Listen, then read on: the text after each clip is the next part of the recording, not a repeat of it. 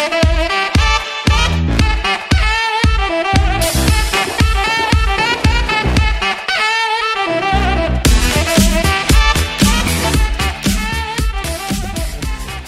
para listener, selamat datang di Iro Iro Podcast bersama dengan gue Timothy. dan gue Izzy. Nah, kalau buat malam ini sih kita akan ngebahas satu anime. Ini anime kebetulan ngerangkap movie juga ya, bisa dibilang movie juga kan? Emang movie sih. Eh, emang itu ya movie Anime, anime, movie maksudnya Iya. anime movie. ya. Anime movie ya. Nah, judulnya ini sempat populer sih dulu. Awal-awal gue kuliah gue inget banget ini sempat populer. Judulnya Kimi no Nawa.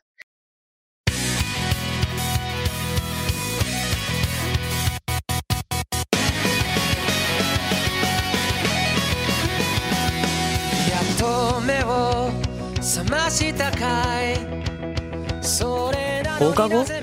悪い。俺今日これからバイト。もうこんな田舎やだよ。こんな人生やだ。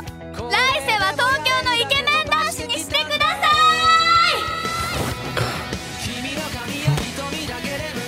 どこ？いそういえばずっと変な夢を見てたような気がするんだけど別の人の人生の夢？なんだこれ。なこれってこれってもしかして。俺たちは夢の中で入れ替わってる。君の全然前世から僕は君を探し始めた確かなことが一つだけある。私たちは会えば絶対すぐにわかる。言おうと思ったんだ。お前が世界のどこにいても必ず会いに行くって。あなたは誰お前は誰だ君の名は Nah, sebelum gue mulai seperti biasa ya, s- warning spoiler alert dulu buat para listener yang belum nonton dan mungkin nggak mau ke spoiler, boleh boleh nonton dulu baru bisa Iya. listen. Karena Baru ceritanya bisa bagus. dengerin. Kalau lu belum pernah nonton, lu tahu-tahu dapet spoiler ini kayaknya nggak bakal ini deh. Mhm. Nggak bakal puas pas nonton film aslinya. Iya, sayang sih. Nah, balik nih ke pembahasannya, source dari dari Kimi no Nawa dia anime original ya, tidak mengadaptasi dari light novel atau apa pun Iya. itu. Betul betul. Nah, ya. Nah, untuk di untuk sutradaranya sendiri nih, anime ini disutradarai oleh Makoto Shinkai. Untuk studionya, studionya namanya Comics Wave Studio. Nah, portofolio mereka sendiri atau anime yang pernah mereka buat rata-rata gue lihat sih kebanyakan emang film-filmnya Makoto Shinkai semua sih. Kayaknya studio pribadinya Makoto Shinkai sih. Banyak Bisa soalnya. jadi ya. Iya, film-film yang mereka sutradara itu kayak 5 cm per second, terus Garden of Words, ya gitu. Pokoknya Film aku cinta, cinta Iya, semua. film-filmnya Makoto Shinkai semua sih. Nah, untuk plotnya ini menceritakan tentang siswi SMA yang bernama Mitsuha. Nah, dia ini bosan dengan kehidupan sehari-harinya di pedesaan dan suatu ketika dia berharap dia bisa dilahirkan ah, entah dilahirkan atau apa, pokoknya dia berharap bisa bisa hidup di kota besar seperti Tokyo. Nah, pada suatu hari apa yang dia doakan menjadi terwujud, Iya. tetapi dia kayak bertukar bertukar jiwa ya atau bertukar kepribadian dengan seorang cowok yang memang tinggal di Tokyo Iya. yang bernama Taki. Nah, sepanjang cerita Kimi no Nawa ini eh, lebih menceritakan ke hubungan si Mitsuha sama si Taki gimana mereka bisa saling berhubungan di saat jiwa mereka saling bertukar terus sampai akhirnya mereka bertemu secara langsung satu dengan yang lain. Nah, menurut lu nih Zi, kalau menurut lu kira-kira apa nih kesan yang lu dapatkan setelah lu nonton Kimi no Nawa? Yang lu suka mungkin? Kalau kesan ya, hmm, Mhm. gue sih ceritanya, hmm, ini ini boleh bahas core, core story-nya nggak nih? Core story-nya boleh, nggak apa-apa. Jadi kan kalau sebenarnya kalau menurut gue ya kalau di di nama tuh yang bikin unik sebenarnya plot twistnya sih. Oh, plot twist-nya ya? iya sih. Plot twistnya sih. twistnya. Gak ada yang expect ternyata mereka beda. Gak cuma beda tempat, ternyata beda ruang dan Beda waktu, waktu. gitu kan. Waduh, iya sih. Gue sempet kaget. Itu itu benar-benar menurut gue yang paling berkesan sih. Gak apa ya? Sejauh gue nonton-nonton film, mungkin yang romance-romance model kayak gini, Mm-mm. Gak tau sih ya. Gue sih belum pernah lihat yang ada plot kayak gitu ya. Iya. Emang agak-agak mistis gimana gitu kan, agak-agak Hmm. out of the ordinary lah untuk romance gitu kan. Tapi Iya. justru itu menarik ternyata bisa di, bisa dibikin ceritanya cukup apa ya berkesan lah Mm-mm. dan emang orang tuh jadi kita sebagai yang nonton tuh bisa ngerasain apa namanya keputusasaannya si Taki terutama Iya. ya. si Taki Apa, dan Mitsuhaya juga sebenarnya Tapi yang paling kerasa sebenarnya- berjuang ya untuk ya saling bertemu. apalagi karakternya si Takinya sih yang paling gua ngerasa bisa bisa ngerasain lah kira-kira apa yang kalau tahu-tahu dia eh, dia nuker sama orang yang ternyata kejadian tiga tahun yang lalu gitu kan Hmm, iya. terus datang ke tempat itu nyari orang itu ternyata tempatnya udah hancur kan gimana gitu Hmm. rasanya ya sih. Tahu-tahu udah kena third impact itu desa tuh. iya iya iya Hmm, itu sih yang menurutku paling berkesan plot twistnya di ceritanya itu sih mm-mm. Lalu mungkin kalau lu gimana Uh, kalau gue nih, uh, kalau gue ya, yang pertama yang gue sukai itu art atau animasinya. oh ya gitu. ya animasi Iya. tapi ya bener sih itu juga bener Itu rata-rata animenya Makoto Shinkai itu animasinya bagus semua. bagus bagus semua tim Apa ya? Uh, gue pernah denger istilah istilah kalau di animasi Jepang itu ada istilah namanya sakuga.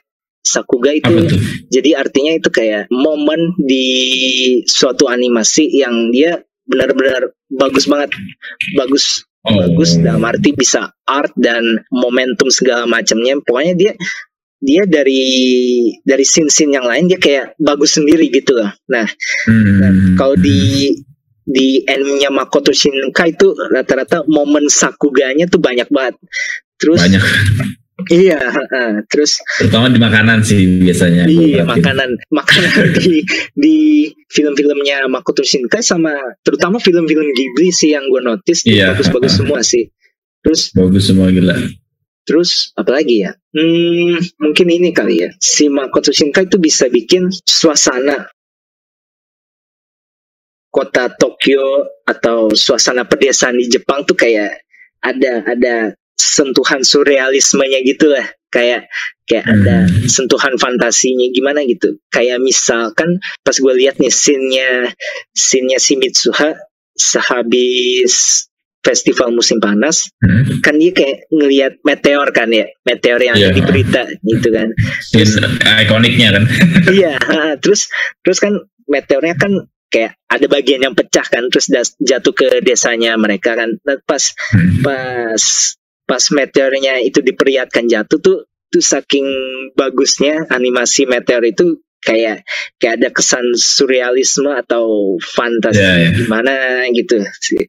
Terus yang ketiga itu uh, personality karakternya sih lumayan bagus, terutama si Mitsuha. Gue suka aja sih sama karakternya dia yang bosen sama rutinitas di desanya oh di dan desa. dia dan dia berharap pengen pengen coba sekali-sekali ke suasana perkotaan gitu lah. Iya. Iya. kayak gue berasa aja sih kayak rasa kesalnya si Mi- Mitsuha gue berasa sedikit karena kan kita kan hidup dengan rutinitas kerjaan sehari-hari kan kadang ada rasa bosan gitu kan. Kita kan kita kadang pengen liburan atau pengen merasakan sesuatu yang berbeda kan nah itu sih yang gue kalau di kita kasusnya kalau misalnya kan pengen ke kota gitu ya kita pengen ke desa mungkin. Iya pengen pengen entah ke suasana pinggir kota atau desa atau Iya, iya, ya, lebih ke alam-alam gitu sih. Iya. tapi kalau gue sih gue pribadi sih sebenarnya gue lebih kalau disuruh milih gue sebenarnya orangnya lebih enjoy di suasana perkotaan sih. Kenapa Tapi- ya apa ya gue lebih suka aja ke suasana urban perkotaan tapi dengan catatan kotanya harus bagus. Apa? Ya iyalah itu semua orang dia gitu kalau kalau di Jakarta mungkin gue lebih suka daerah Senayan sih jalan-jalan di situ. Daerah Ya, Senayan setuju. atau setuju setuju. atau apa bundaran HI itu gue suka banget sih. nah balik lagi nih, Eh, gue sempat notice beberapa scene di Kimi no Nawa yang kayaknya kayak di sini itu ada ada semacam pesan tersembunyinya gitu loh kayak kayak Oh ya? pas si Mitsuha memotong rambutnya dia nih oh, setelah, oh. setelah apa ya setelah Setelah dia dikira Tokyo si itu kan Mm, yang setelah dia nyari ke Tokyo itu kan Mm-mm, yang pokoknya dia kan sempat kayak menjodohkan kayak mendekatkan si Taki sama senpai yang dia sukai itu kan. Iya iya tahu gue. Nah si Mitsuha kan sebenarnya kan ada rasa kan sama si Taki, cuma karena dia kira si Taki udah jadian sama senpainya, akhirnya ya udah dia kayak kayak ada momen galaunya gitu, terus dia potong rambutnya gitu kan. Iya. Nah pas dia potong rambutnya itu, gue kayak nangkep apa ini kayak simbolisme dia dia berusaha memutus hubungannya sama si Taki gitu kayak ingin memutuskan ikatannya dengan si Taki terus memulai sesuatu yang baru lah gitu itu sih yang yang kayaknya makna yang gue tangkap dari scene ini Kayak iya Hmm. kayak nandain lu gue pengen lu memulai chapter baru lah gitu. Mm-mm, mm-mm. Terus ada juga nih scene yang pas si Taki ngeikat tangannya pakai kayak eh, tali iketan rambut, tali iketan rambutnya si Mitsuha di tangannya si Taki itu, tuh gue nangkep kayak kayak si Taki nggak mau kehilangan ikatannya sama si Mitsuha. Cuma Oh kan iya. waktu itu kan dia masih lupa si si cewek yang dia temuin ini siapa gitu dia tiba-tiba kayak lupa namanya gitu kan terus apa ya kalau lu inget sih di scene pas Mitsuha sama adiknya sama neneknya mereka berdua pergi kayak ke kawah ya kayak kayak ada kuil Iya. di desa mereka tapi letaknya di kawah gitu kayak di Hmm. crater gitu terus Yang di atas. mereka kan kayak istirahat makan siang sebentar kan terus si Hmm. Mitsuha minum teh dari gelasnya dia tapi si adiknya juga mau minum juga teh dari gelas si kakaknya itu. Terus si, si neneknya bilang kalau dengan si adiknya minum dari gelasnya si kakaknya ini si Mitsuhanya ini itu kayak melambangkan kalau mereka kayak bikin semacam ikatan gitu lah dari kayak ada ikatan yang terbentuk dari Ikatan. sentuhan mereka yang tidak langsung itu lah kasarnya sih kayak gitu sih indirect kiss kan ya sebenarnya kalau Iya. anime. Iya. iya. Iya, tapi Tapi kan adik niatin, ya kan adik jadi ya. Oh, iya iya sih adiknya adiknya sih nggak salah sih cuma cuma yang menarik di sini neneknya bilang kalau dari dari gestur sesederhana itu itu kayak ada semacam ikatan yang terbentuk gitu. Gue gue awalnya sempet miss sih kayak sempet miss oh oke gitu doang. Terus terus tapi akhirnya dari scene itu itu kayak ngasih clue pada adegan pas pas si Taki minum sake dari sake yang dibuat si Mitsuhanya itu loh. Karena Oh, karena Oh yang di pas pas pakinya lagi nyari Mitsuhanya ya? iya ya? yang di Iya iya iya iya. yang dia iya. minum di dalam kuilnya itu kan. Itu kan Yang dia minum sake yang yang dalam gua itu kan?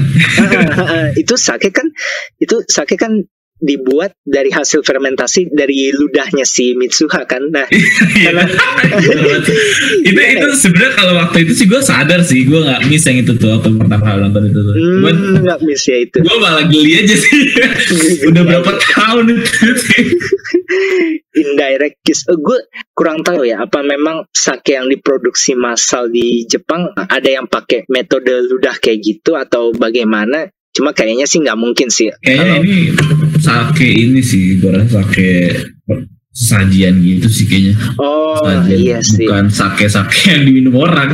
iya bukan, iya iya bukan. kan sake dia ini kan massal. apa sih selain apa tuh? Kayak kayak sesajen lah itu untuk dewa-dewa kan itu. Dia, dia kan di tempelnya di kuilnya kan dia sebagai apa gitu gue lupa. Dia kan sebagai kayak apa ya eh priestessnya ya si Iya Mitsuha kayak semacam priestessnya gitu sih. Nah.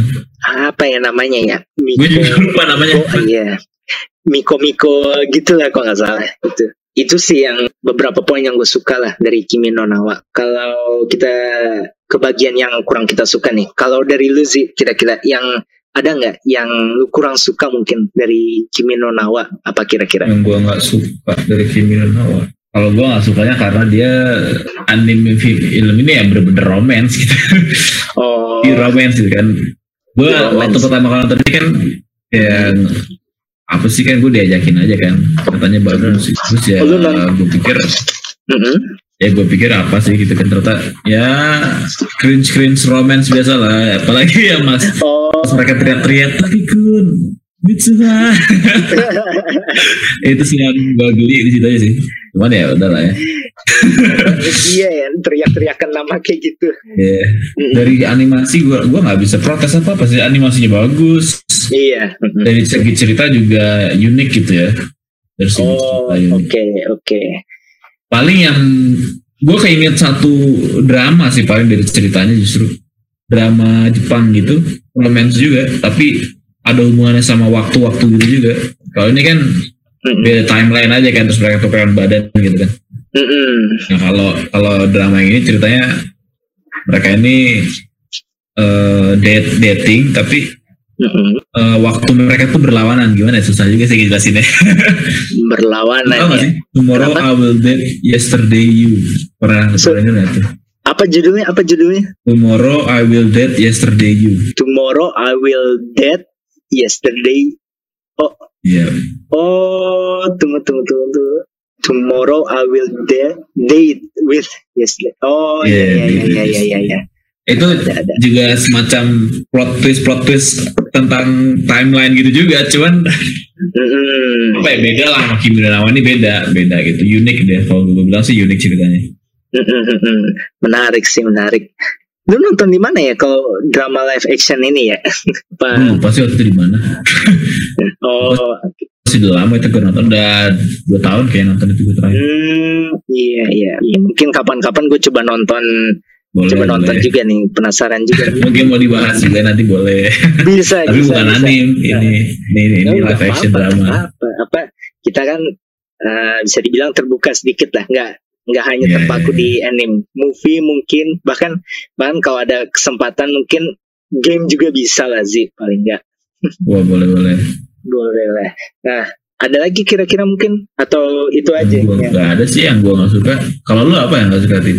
nah kalau Soalnya nih anime menurut gue sih cukup dibandingin animenya si Makoto Shinkai yang berikutnya si Tenkinoko nggak bisa ibaratnya nggak sebagus inilah Tenkinoko itu jadi sejauh ini sih menurut gue ini yang paling bagus anime romance. Hmm, Kata kalau iya. gimana?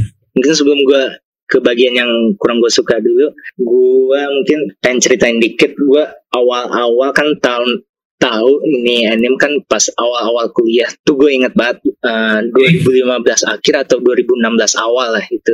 Oh iya ya udah lama ya. tuh gue inget banget teman-teman gue teman-teman gue sampai apa ya kayak ngobrolin banget gitu deh. Eh, eh lu udah nonton Iya Hiro belum. Nawa belum? Udah nonton belum?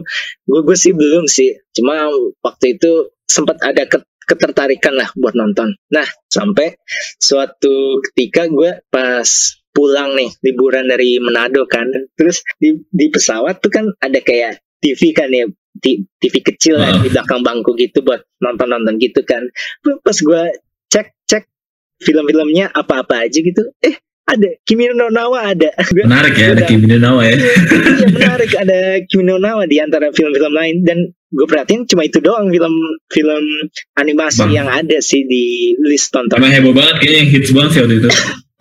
Iya lumayan jadi perbincangan lah itu cuma Heeh. cuma sayangnya gue nggak nonton di pesawat waktu itu karena Oh. karena apa ya gue gue orang Cuma dari situ lu mungkin berpikir nih kayak anime memang bagus ya sampai di Hmm, pesawat gitu ada- aja ada gitu ada ya.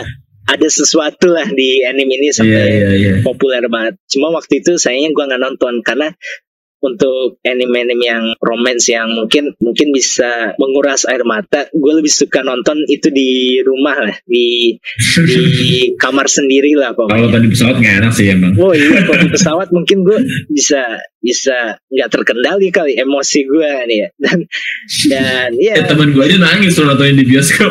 oh iya, temen gue nonton kan nonton rame-rame kan itu kan. Heeh. Ada Keju juga tuh. Ah. Itu si Keju aja nangis. Wah, mungkin Tuh kanan kiri gue nangis semua. Gue gue cuma nahan-nahan aja kan. Wah gila nih orang-orang udah pada gak kuat. mungkin mungkin kita bisa ajak teman kita yang lain kali ya buat join Bahas di podcast ini ya. Jadi cuma Boleh, waktu itu boleh. gua nggak nggak sempat nonton Kimi no Nawa dan sebagai gantinya tahu gue nonton apa sih? Apa tuh? Gue nonton Suicide Squad coba. buat Ya itu mah. Biar gue- jelas. aduh, gue agak-agak nyesel juga sih waktu itu. Aduh, mending gue nonton Jelek kan? Kimi no Nawa sih di pesawat.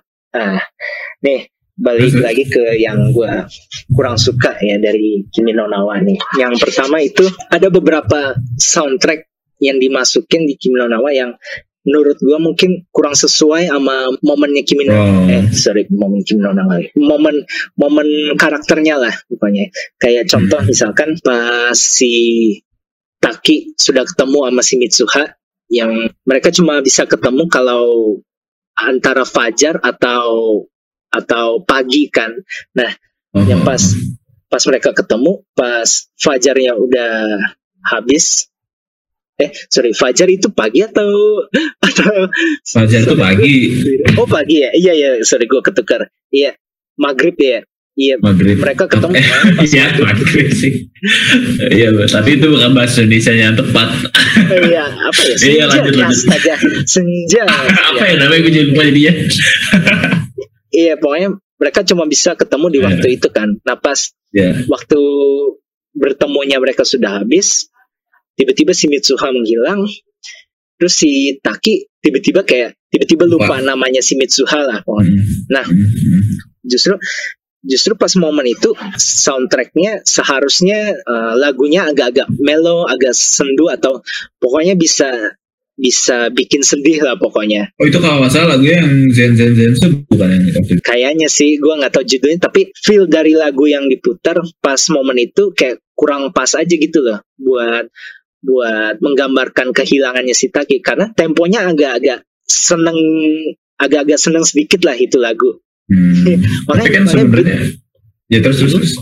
ya makanya pas si si Taki mu- mulai menangis mulai agak-agak nangis pas kehilangan si Mitsuha begitu lagunya diputar dalam hati gue kayak ah aduh eh, kok lagu ini sih yang diputar kayak kayak nggak sesuai aja gitu loh sama sama apa momennya Lagunya happy gitu ya maksudnya. iya apa nggak nggak 100% happy sih cuma Iya, Cuma- kan. untuk bikin sedih gue nggak merasa sedih begitu lagu itu Tapi diputar mungkin ya, mungkin ya Tim. Mm-mm, mm-mm, Itu kan, ini kan dalam bahasa Jepang kan lebih juga kan. mm-mm. Ada ini ya kan? Ya mungkin artinya apa gitu kali. oh Tapi iya iya bisa jadi kita nggak nyambung gitu kan. iya bisa jadi mungkin lirik dari lagu itu menggambarkan kesedihan cuma uh, Iya. cuma kalau gua karena gua nggak nggak nggak ngerti bahasa Jepang gitu lagu itu diputar kan gua mengandalkan alunan lagu lah nada dan segala Hmm. macamnya ya Nah, jadi seandai seandainya lagu ini diputar untuk membawa kita merasakan kesedihannya si Taki menurut gua masih masih kurang sesuai aja sih lagu itu diputar terus tema dari filmnya sendiri nih yang menceritakan kayak pergantian badan ya pergantian roh atau badan atau apa pun lah itu Terus terus. itu kan udah lumayan kompleks ya terus ditambah dengan Hmm. yang ternyata dia tidak hanya ganti badan tapi ternyata eh, pasangannya ini ternyata beda waktu juga kan nah buat gua mungkin agak agak rumit sedikit lah pas gue pertama nonton ini karena Bingung lah ya masih. ya. Iya, gue agak-agak jujur sih. gue akui mungkin gue tipe orang yang kalau nonton sesuatu tuh kalau kalau ada plot twist atau apa, gue agak susah menikmati di pertama kali menonton gitu. Jadi gue orangnya harus nonton dua atau tiga kali baru gue mulai mulai nangkep nangkep nih. Oh ini Hmm. maksudnya ini, ini maksudnya itu. Ya menurut gue itu sih mungkin em, karena konsep ceritanya yang agak-agak kompleks menurut gue. Jadi di pertama gue nonton, gue agak susah nangkep feel emosi dari relationship tapi karakternya. tapi emang kalau lu ngi- bisa ngikutin ya Mhm.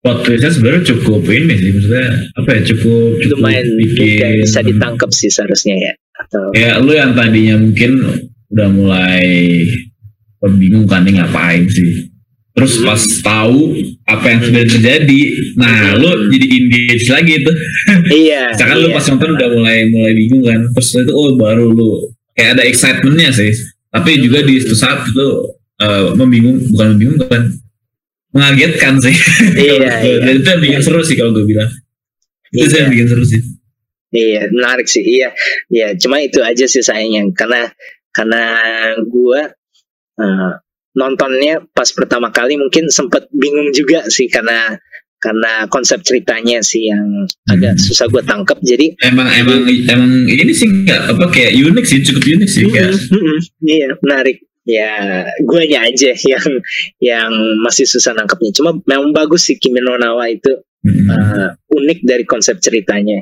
Nah, itu aja sih paling yang gue kurang suka ya sedikit poin-poin yang gue kurang suka karena karena kayak yang lu bilang tadi sih sebenarnya ini anime memang bagus sih memang bagus movie ini Iya. bagus makanya gue juga yang gue komplain juga ya nggak terlalu Nggak terlalu ini banget lah ya. berpengaruh banget lah Nggak terlalu mempengaruhi kalau lu nonton gitu maksudnya. gue gue Tergantung emang tergantung selera orang juga sih mungkin kan. Iya, nah, setuju, setuju. Gue tetap masih bisa menikmatinya lah. Tapi setelah gue Hmm. mungkin nonton dua atau tiga kali sih, baru gue bisa. Oh, oke. Maksud dari scene ini, ini gitu. Terus eh, apa konsep ceritanya ternyata seperti ini, ini kayak gitu sih. Iya. Nah, itu sih yang itu aja sih yang gue mungkin kurang suka dari Kimi no.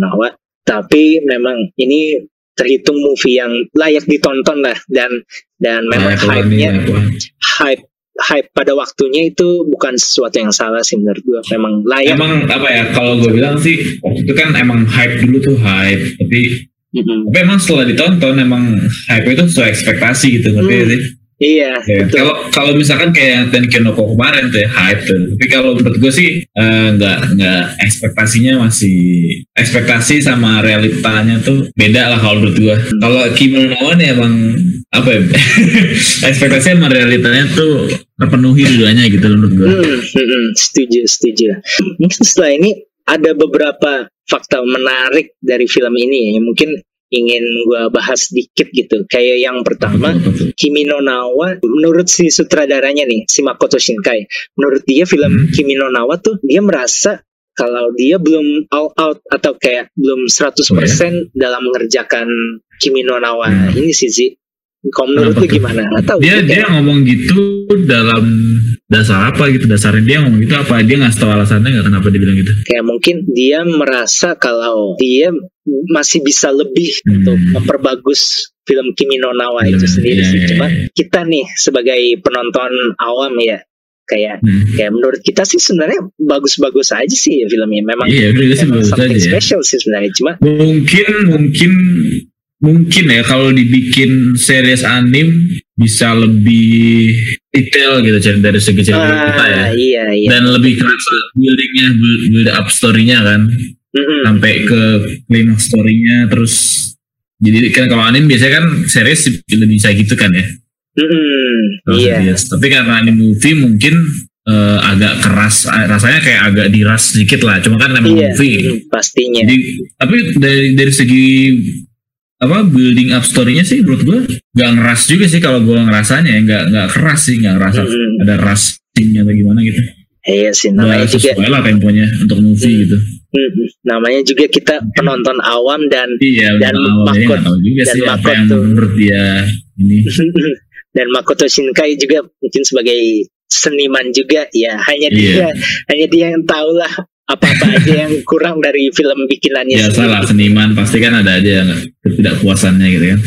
Oh ya, by the way nih, lu kan udah nonton ya Tenkinoko ya, Weathering with You ya. Iya. Nah, kalau menurut lu nih, eh, lu lebih suka yang mana sih kira-kira? Tenkinoko atau Kimi no Na wa? Kalau gue sih jauh lebih suka Kimi no Na wa sih dibanding Oh, Tenkinoko. oke. Tenkinoko menurut gue malah hmm, biasa aja sih kalau menurut gue. Biasa aja ya. Hmm, Biasa aja. Oke deh. Oke deh. Mungkin mungkin suatu saat kita mesti bikin kayak uh, recap atau gitu ya. Oh iya, perbandingan film-filmnya Makoto Shinkai mungkin kita pilih Boleh. tiga apa terbaik. Nah, itu yang Garden, lu tau yang Garden itu apa sih gue lupa Garden apa sih itu Garden, of Words ya? Words ya. Heeh. Nah itu juga boleh kalau mau dibahas tuh seru sih Ah, sebenarnya iya. 5 cm juga boleh tuh gue belum pernah nonton tuh. Gue pengen lihat sih, gue belum pernah nonton emang kalau itu. Cobalah kita kapan-kapan kita sikat itu film-filmnya Makoto Shinkai terus kita Boleh, Coba. boleh, boleh. bikin list mana yang paling kita suka lah. Kita Kira-kira. kita bahas lah ya semuanya tuh. Terus poin menarik terakhir nih yang pengen gue bahas tuh, mungkin lu sempat dengar desas-desus atau bukan desas-desus lagi sih ini beritanya memang udah ada sih. Kimi no Na wa mau dibikin versi Hollywoodnya. Oh iya? Iya, ini apa nih? Ini yang parodi bukan?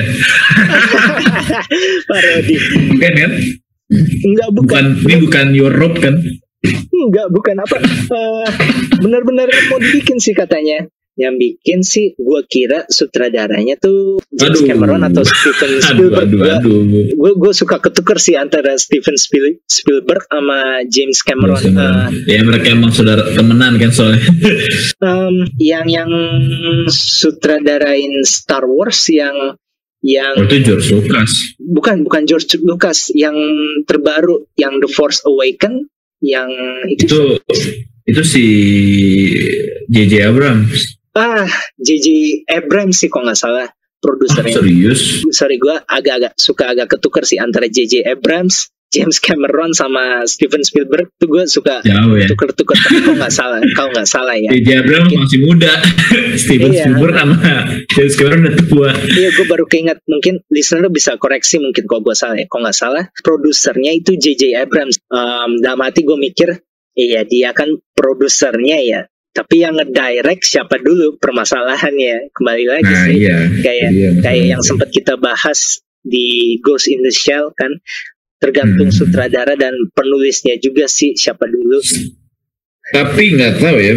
Kalau mereka nggak merubah eh, dari segi cerita dia nggak merubah apa-apa. Menurut gue sih mungkin masih bisa bagus. Tapi kalau ada yang mereka ubah lagi atau gimana, Nah, iya. kayak typical Hollywood adaptation, aduh, Hmm, iya.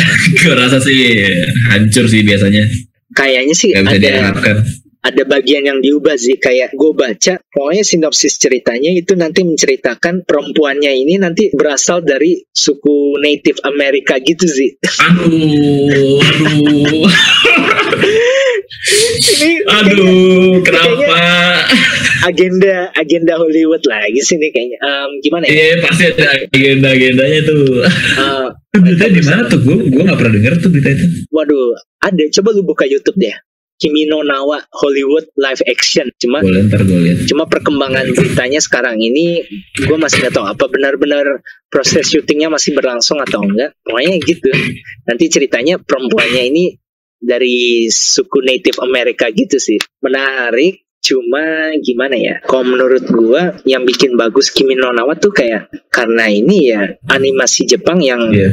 yang menceritakan tentang romansa anak SMA di Jepang gitu loh karena Iya betul betul. karena menurut gua kalau filmnya diubah ke Amerika nggak kehidupan cocok sih. iya kehidupan SMA di Jepang dan di Amerika tuh berbeda kan sih Betul betul betul. kayak kayak feelnya udah berbeda kalau gua kasih contoh kayak kalau di Jepang kan cewek sama cowok saling suka mereka kan nggak kayak nggak kayak di Amerika gitu loh langsung si cowoknya bilang gini hey uh, you and me we watch movie together how about that kayak kayak gitulah contohnya kan kalau di Iya, Jepang kan iya. kayak kayak ngasih surat bisa gitu. ngasih coklat gitu Iya, kayak tidak langsung gitu. Kulturnya beda ya, budayanya beda. Iya, yang gua khawatirin itu aja sih. Apa kalau kalau film ini dibawa dengan film Amerika, tentunya akan akan Nggak bisa berbeda lah filmnya. Mm-mm. Tapi Kalau Tapi- sih akan Hmm? cocok ya. iya, Ya kalau menurut gue sih nggak akan cocok. iya. Tapi eh, yang sempat gue baca juga si Makoto Shinkai sih katanya sempat tertarik juga sih kalau film Kimi no Nawa dibawakan dari sudut pandang Hollywood atau Amerika gitu. Tapi ya Ya dia mah lagi. tertarik tertarik aja. kalau menurut gue sih dia nggak Tertarik-tertarik nothing tulus sih kalau menurut gue dia.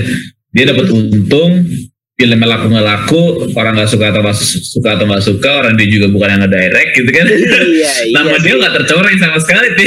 tapi Ah, ah. ibaratnya yang tercoreng kan nama Hollywood tapi dia tetap dapat untung sih sih kayaknya kan Iya, waduh. karena trademarknya dia gitu kan Iya sih. kalau gue sih dia nggak nggak nggak ada yang ya nothing tulus lah dia setuju. Ya, ya itu aja sih. Hmm, Paling yang mencak-mencak nanti fansnya sendiri sih. iya paling yang marah-marah kan tapi kan kalau dia ya udah ntar dia juga bikin film baru lagi palingnya sih Iya. waktu kan itu aja sih yang gua sampaikan untuk Kimi no Nawa ini. Memang memang nggak akan panjang-panjang amat sih episode po- Hmm. podcast untuk hari ini sih. Karena ya itu tadi kita cuma ngebahas film dan ajaibnya ini tidak sepanjang Ghost in the Shell yang kita bahas sebelumnya sih. ya beda sih soalnya kalau kalau Ghost in the Shell tuh lebih filosofis emang ceritanya iya, kita ngebandingin dua film sih sebenarnya waktu itu. iya sama apa ya Iya, apa? oh yang film sama anime ya ya Mm-mm, movie anime sama live actionnya sih waktu itu makanya agak lama juga sih itu Kita mau bandingin sama parodinya Kimi no Nawa? Buset dah, baru belum nonton gue sih. Nah nanti deh. Aduh, jangan deh, jangan ditonton.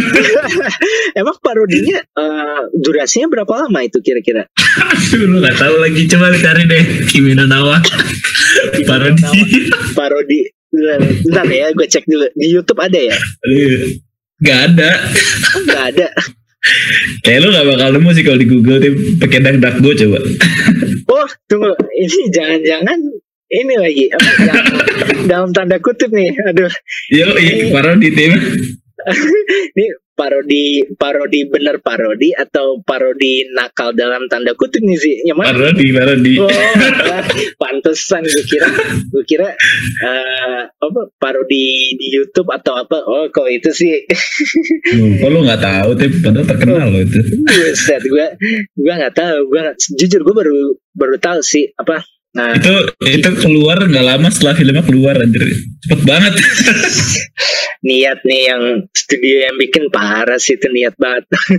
tapi tapi gue nggak akan kaget sih di Jepang biasa yang yang kayak gituan uh, Pasti ada. akan ada parodinya sih. Tapi kita nggak R18 lah, R18. Iya, Don't forget. ya gitu deh. Tapi mungkin antara live action Hollywood sama parodinya mungkin gue akan lebih milih nonton parodinya sih. Tentu saja, tentu saja. lebih nggak rugi kalau gue nonton parodinya sih. iya, kan kalau nonton Hollywood kan beda tuh. Aduh, beda lah itu. Iya, aduh itu udahlah ya. Oh ya sebelum gue tutup nih mungkin kita bisa ngasih sedikit rating atau nilai kali ya kayak tingkat Boleh. seberapa sukanya kita sama Kimi no Nawa lah. Kalau gue eh, kita kan skalanya 1 sampai 5 ya. Kalau gue mungkin akan ngasih Kimi no Nawa tuh poin gue 3,5 sih paling. 3,5. 3,5. Hmm. Iya, menurut gue bagus, bagus lah pokoknya. Tapi kenapa lu nggak bisa kasih lebih tinggi, Tim? Hmm, mungkin karena feel-nya buat gue masih belum terlalu dapet sih. Itu aja sih gue. Dibanding Gua- orang Gairo beda kali ya. Wah, itu, lain cerita sih sih. Apa? Tapi mungkin mungkin lu nggak nggak gitu demen aja karena dia em, movie gitu kan. Jadi mungkin feel-nya lu nggak gitu dapet karena movie ini. Uh, bisa jadi itu alasan pertama dan mungkin juga untuk alasan kedua karena seperti yang gue sebut sebelumnya ya gue gue sewaktu pertama nonton tuh kayak Bingung. sempet bingung iya kayak Iya. berusaha menghubungkan uh, konsep ceritanya sama alur cerita berusaha memahami alur ceritanya juga kok bisa seperti ini kejadiannya dan segala macamnya tapi tetap uh, pada akhirnya gue sih sebenarnya tetap terhibur sih tapi kalau kalau gue ditanya lu bisa merasakan kesedihannya atau kayak dapetin feel-nya gitu uh, buat gue masih belum dapet aja sih untuk saat ini Iya. Uh, gue Nggak nggak kena lah ya kalau nggak Iya. Iya, gue belum merasakan apa ya rasa berdebar-debar, rasa wah, excited yang perut gue kayak ditusuk pisau panas gitu itu gue Kalau ya ngerasain emang aja gue sih. gitu sih, nggak gitu sih. Lebih ke sedih aja sih sebenarnya. Hmm, iya. Tapi ya kembali lagi sih. Hmm, paling kok gue kasih nilai 3,5 lah. 3,5 ya atau Berarti bisa enggak dibilang lu cuma nganggap ini above average lah ya. hmm, iya 3,5 lah udah. Eh above Gitu above sih, above above above normal lah, hmm, above standar. hmm. Tapi bukan bukan berarti jelek ya. Gue enjoy tetap enjoy kok. Gue tetap senang. Dan memang seperti yang gue bilang sebelumnya hype di movie ini sewaktu awal-awal keluar ya cocok lah. Nggak nggak salah orang-orang memperbincangkan Kimi no Nawa lah.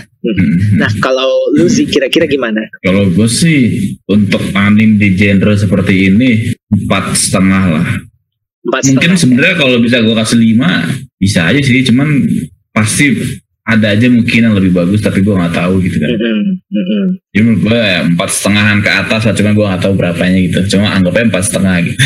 iya ya nggak apa-apa nggak apa-apa taste orang beda-beda lah Soalnya kalau gue udah nonton beberapa ya ada lah beberapa anime romance ini kan kayak kayak Garden of Words itu Tenkinoko mm gue lupa sih yang lain-lainnya kayak pernah juga tapi dulu. Tapi emang eh lebih jauh lebih ngena sih. Dari segi karakternya tuh lu bisa bisa ngerasain apa yang dirasain karakternya gitu. Kalau dari waktu gue nonton film itu ya. Terus dari segi ceritanya juga bagus dari segi animasinya juga bagus banget. Iya.